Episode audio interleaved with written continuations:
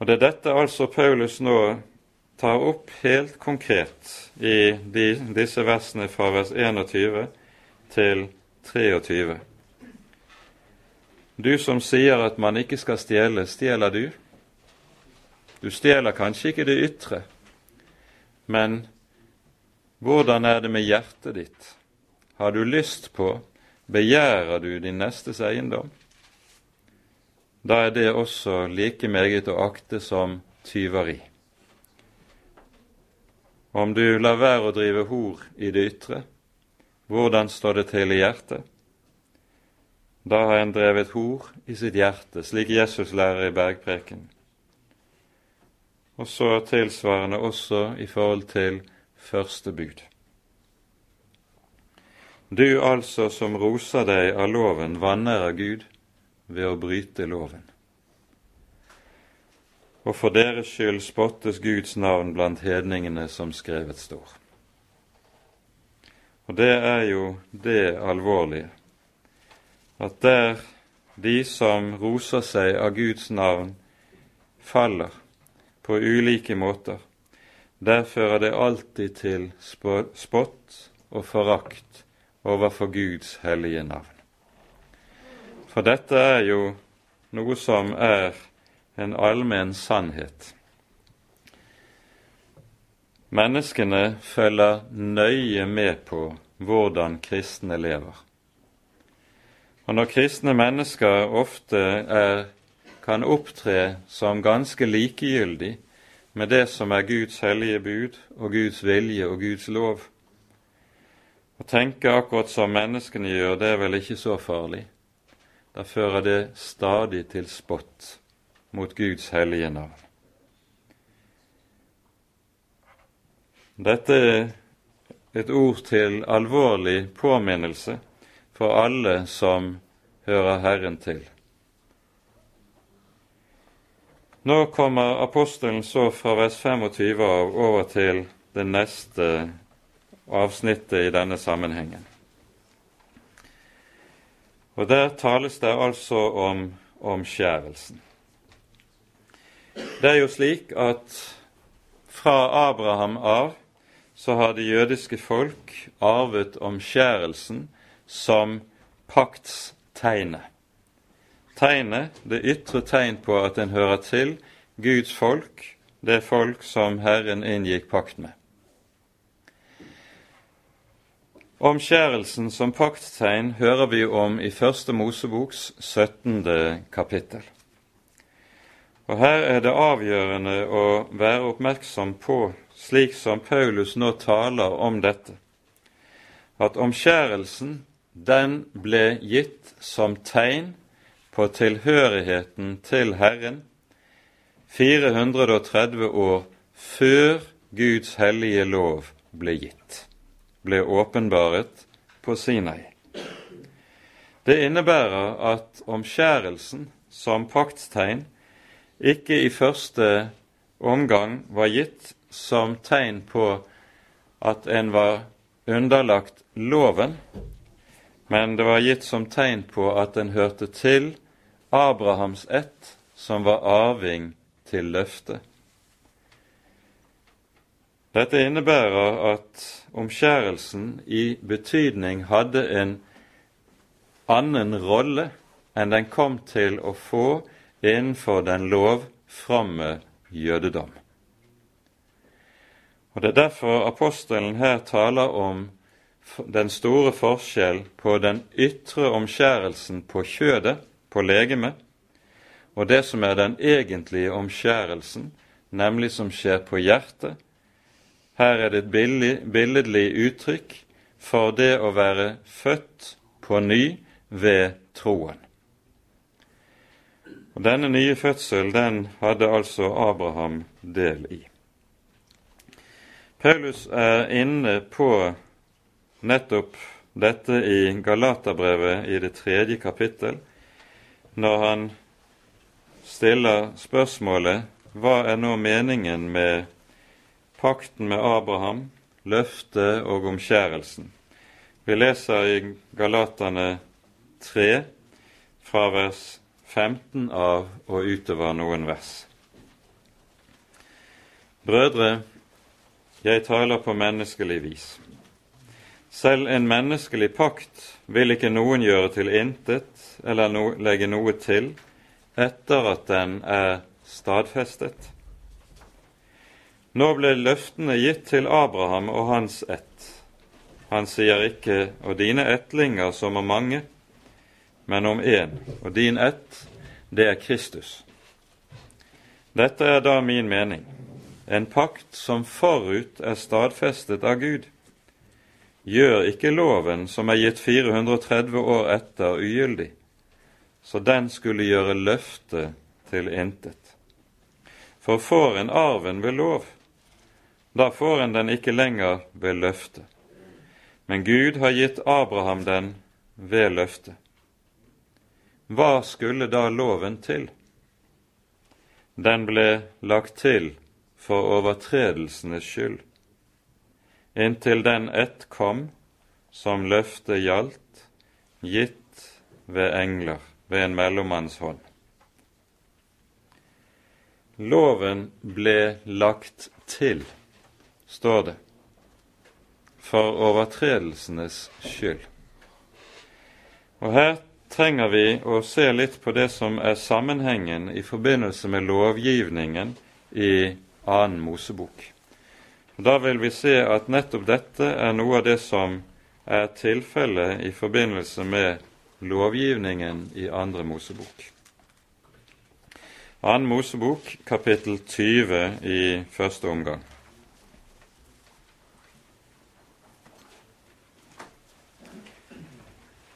Her hører vi hvorledes Israel er kommet til Sinai, og etter tre dagers forberedelse hvor folket skal hellige seg, så kommer åpenbaringen av de ti bud fra Sinai berg. Åpenbaringen av de ti bud ledsages av veldige ytre manifestasjoner av Guds velde, Guds hellighet, hans storhet. Fjellet innhylles i røk, der lyder en veldig basunlyd, torden. Fjellet rister, så å si i ærefrykt for Gud, og så hører folket Guds egen røst lyde fra toppen av fjellet, som taler de ti bud, eller de ti ord, som de kalles i Mosebøkene. Og Denne åpenbaringen av budene den fyller folket med en veldig age, med en veldig frykt. Slik at vi leser om reaksjonen i folket i det tyvende kapittel, Eh, fra vers 18. Alt folket så og hørte tordenen og luene og basunlyden og fjellet i røk. Og da folket hørte dette, skalv de og holdt seg langt borte. Og de sa til Moses, Tal du med oss. Så vil vi høre, men la ikke Gud tale med oss, for at vi ikke skal dø. Men Moses sa til folket, frykt ikke. Gud er kommet for å prøve dere, og for at frykt for ham skal være over dere, så dere ikke synder. Vi skal merke oss det som her står. Det står at Gud er kommet for å prøve dere. For det er nettopp det loven er. Det er nettopp det loven gjør. Loven legger mennesket i vektskålen, sånn at det får prøves hva jeg er verd, hvem jeg er. Og der viser det seg, når jeg virkelig blir prøvet, at jeg er veiet og funnet for lett. Men nettopp dette er også det som er Israel sitt problem i møte med Guds hellige lov. Vi leser nemlig i det 19. kapittel forut for lovgivningen, når Moses kommer ned fra berget første gang, så står det at Moses bar frem i vers 7 og vers 8, så står det at Moses bærer frem alle Herrens ord til folket, og så står det i vers 8 Da svarte folket alle som én. Alt hva Herren har sagt, vil vi gjøre. Alt hva Herren har sagt, vil vi gjøre. Og Når vi kommer til kapittel 24, der vi leser om paktsslutningen, så lyder det samme fra folkets munn to ganger. Alt det Herren har sagt, vil vi gjøre. Hvor mye er et slikt løfte verd? Det høres så flott ut, men 40 dager senere så danser folket rundt gullkalven. Hvor mye var det verd det at folket sa alt hva Herren har sagt, vil vi gjøre og lyde. De drar noen dagsreiser ut i ørkenen, og det første som skjer, er at det vokser frem knurr og opprør mot Herren. Hvor meget er det verd dette? Alt hva Herren har sagt, vil vi gjøre. Poenget her er at når loven åpenbares, Sånn vil det være for de aller fleste mennesker når de første gang hører Guds bud og Guds lov, og de tar, hører det litt alvorlig, så vil de tenke ja, dette vil vi prøve å oppfylle. Man vil prøve å innrette livet sitt etter Guds vilje. Og en begynner da på et sånt prosjekt i den tro at dette er også mulig å gjøre. Alt hva Herren har sagt, vil vi gjøre. Det hviler nettopp på den forutsetning at en tenker 'dette makter jeg', 'dette kan jeg'. Den hviler altså på en bestemt forutsetning, nemlig at man ikke kjenner sitt eget hjerte. Hele poenget med lovgivning er jo tvert om dette at loven er gitt for, som vi hørte Moses sa, for at Herren skal prøve dere.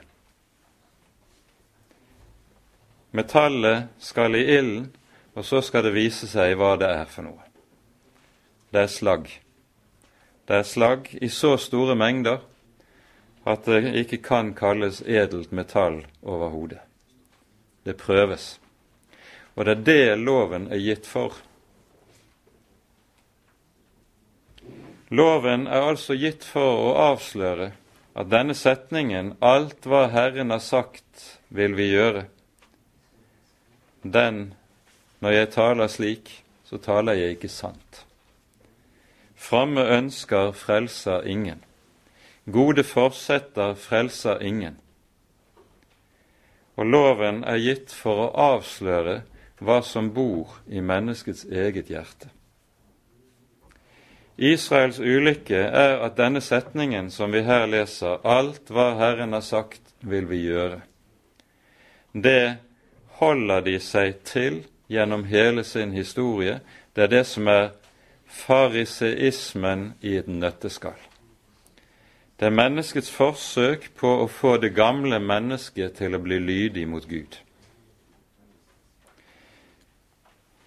Dette omtales også noe senere i vår bibel.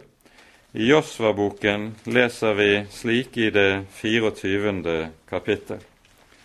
For her møter vi noe av den samme ånd i folket som ved Sinai, hos Israel ved Sinai. Josva skal dø, han tar avskjed med folket og holder sin avskjedstale for folket, og så stiller han folket på valg. Velg nå hvem dere vil tjene, Herren eller Baalene.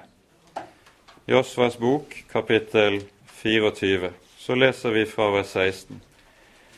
Da svarte folket og sa det være langt fra oss å forlate Herren for å dyrke fremmede guder. For Herren vår Gud, han var den som førte oss, oss og våre fedre opp av Egyptens land. Men så svarer Josva i vers 19. Han sier til folket, dere kan ikke tjene Herren, for han er en hellig Gud.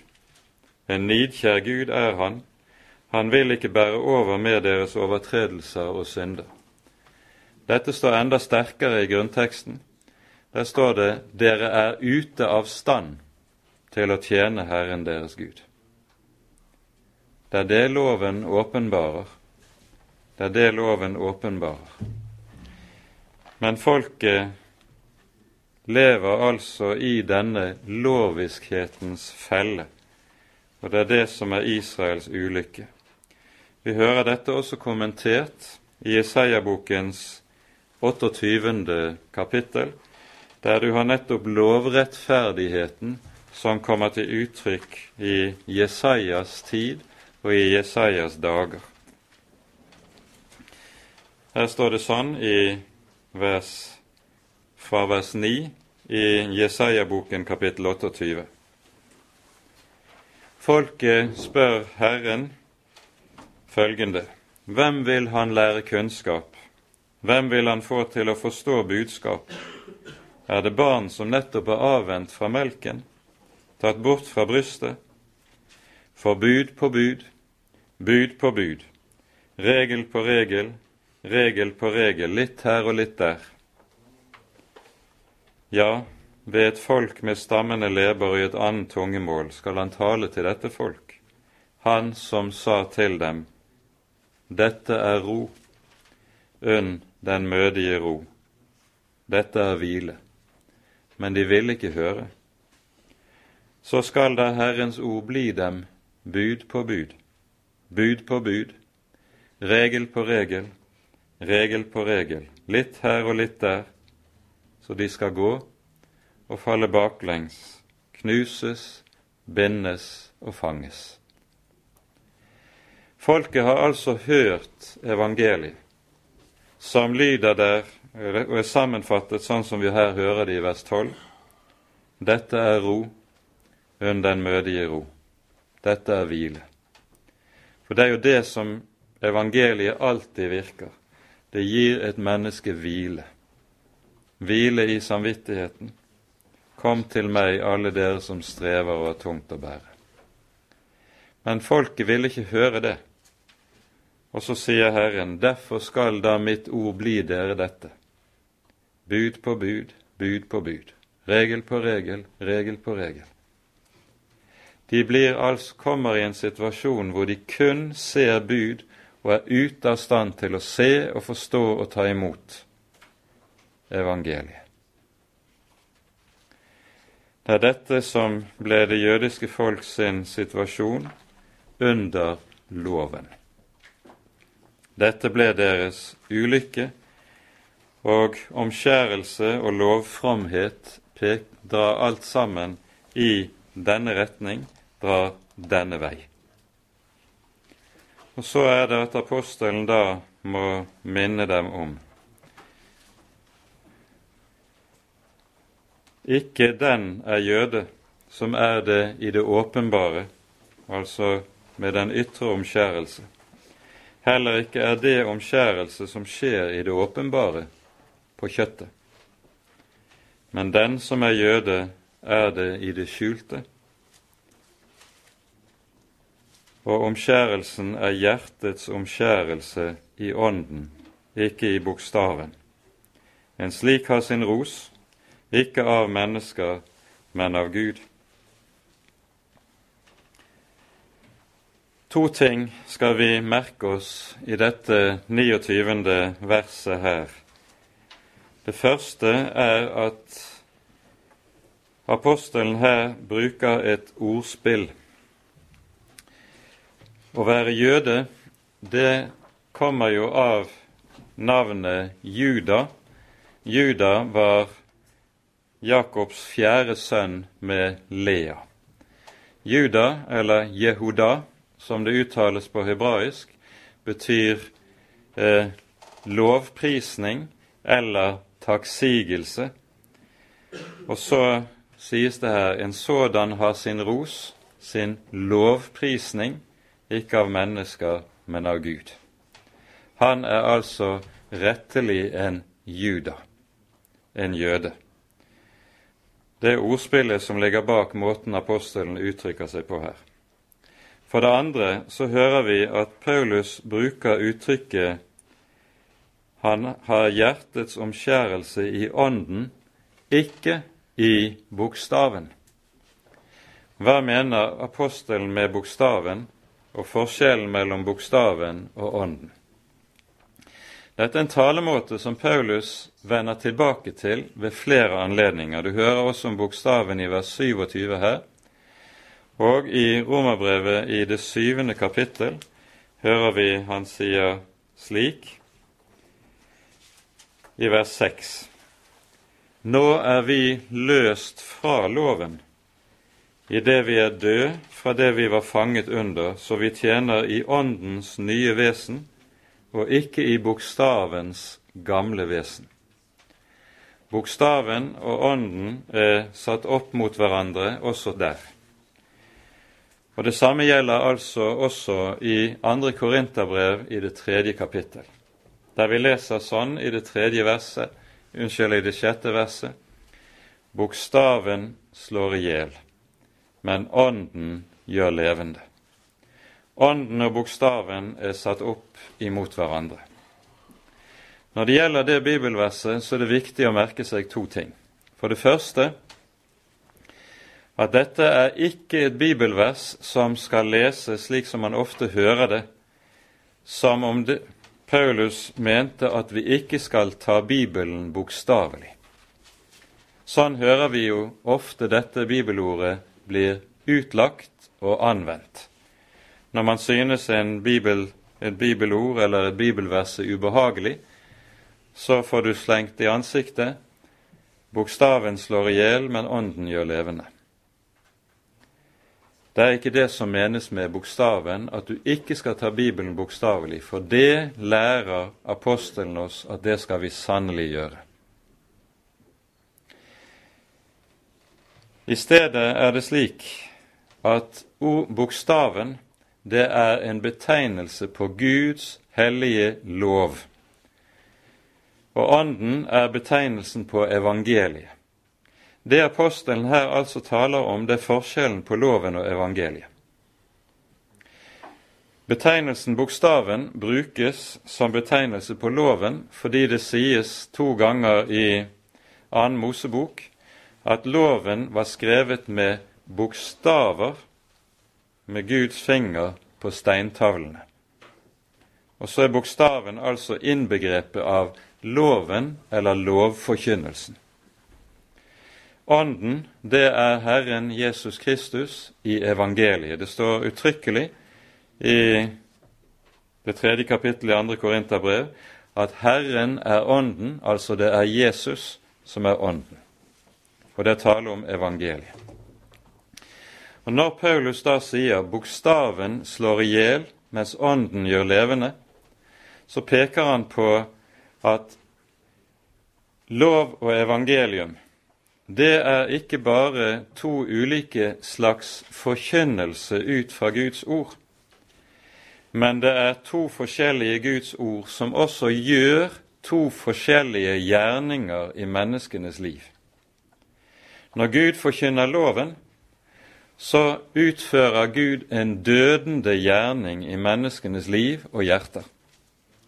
Og når han lar evangeliet lyde, så utfører han en levendegjørende gjerning i menneskenes liv. Lovens gjerning og evangeliets gjerning er altså hverandre stikk motsatt. Hva innebærer det at loven døder? Det innebærer nettopp det som vi har vært inne på i eh, forbindelse med andre Moseboks 20. kapittel, når Moses sa, som vi hørte det, at Herren har kommet for å prøve dere, for å veie dere. Når loven veier meg, avslører meg, viser at den selvtilliten som sier 'alt det Herren har sagt, vil jeg gjøre', at den selvtilliten som ligger bakenfor et slikt uttrykk, den hviler på sviktende premisser. Loven tar rett og slett fra meg og ødelegger for meg troen på meg selv. Troen på at det er noe godt i meg selv som jeg kan gjøre noe ut ifra. Og det at loven slik ødelegger og døder troen på meg selv, det kalles for lovens dødende gjerning. Evangeliet gjør altså den motsatte gjerning. Det gjør levende. Der loven har fått døde, der kan evangeliet gjøre levende. Der skaper evangeliet i ordets mest egentlige forstand liv av døde. Og Dette er jo et uttrykk som anvendes en rekke ganger i Det nye testamentet, at det å bli et Guds barn ved troen på Jesus, det er å vekkes fra de døde til liv i Gud. Man får del i det evige livet. Og når uttrykket anvendes på denne måten, dere som var døde, er blitt levende i Kristus, så er hele poenget her at like som et dødt menneske ikke kan gjøre det aller ringeste til eller fra for å bli levende, slik kan du eller jeg heller ikke gjøre det aller ringeste for å komme til liv i Gud. Når Jesus står utenfor Lasarus sin grav og roper 'Lasarus, kom ut', så er det slik at dette ordet som Jesus slik roper, det blåser liv i ham, og det blir liv av døde. Det er ikke sånn at Lasarus er halvdød, og så kan løfte en lillefinger, og så kan Jesus ta utgangspunkt i det. Nei, det er Jesu ord som skaper liv av døde. Et slikt ord er evangeliet. Og det er dette som skaper det Paulus kaller for hjertets omskjærelse, som fører til at et menneske kommer til liv i Gud, og, som vi her hører det, har sin ros av Gud. En har mistet all selvros. Det er fratatt en ved loven. I stedet for en lov til, som det står gjentatte ganger i vår bibel, vi skal få rose oss i Herren, rose oss av Gud selv, av hva Han har gjort, hva Han har gitt, når Han kalte oss til live fra de døde. Dette er tankegangen i dette avsnittet som vi nå har gått igjennom. Og så tror jeg at vi da setter punktum her for i dag. Ære være Faderen og Sønnen og Den hellige ånd, som var og er og være skal en sann Gud, høylovet i evighet. Amen.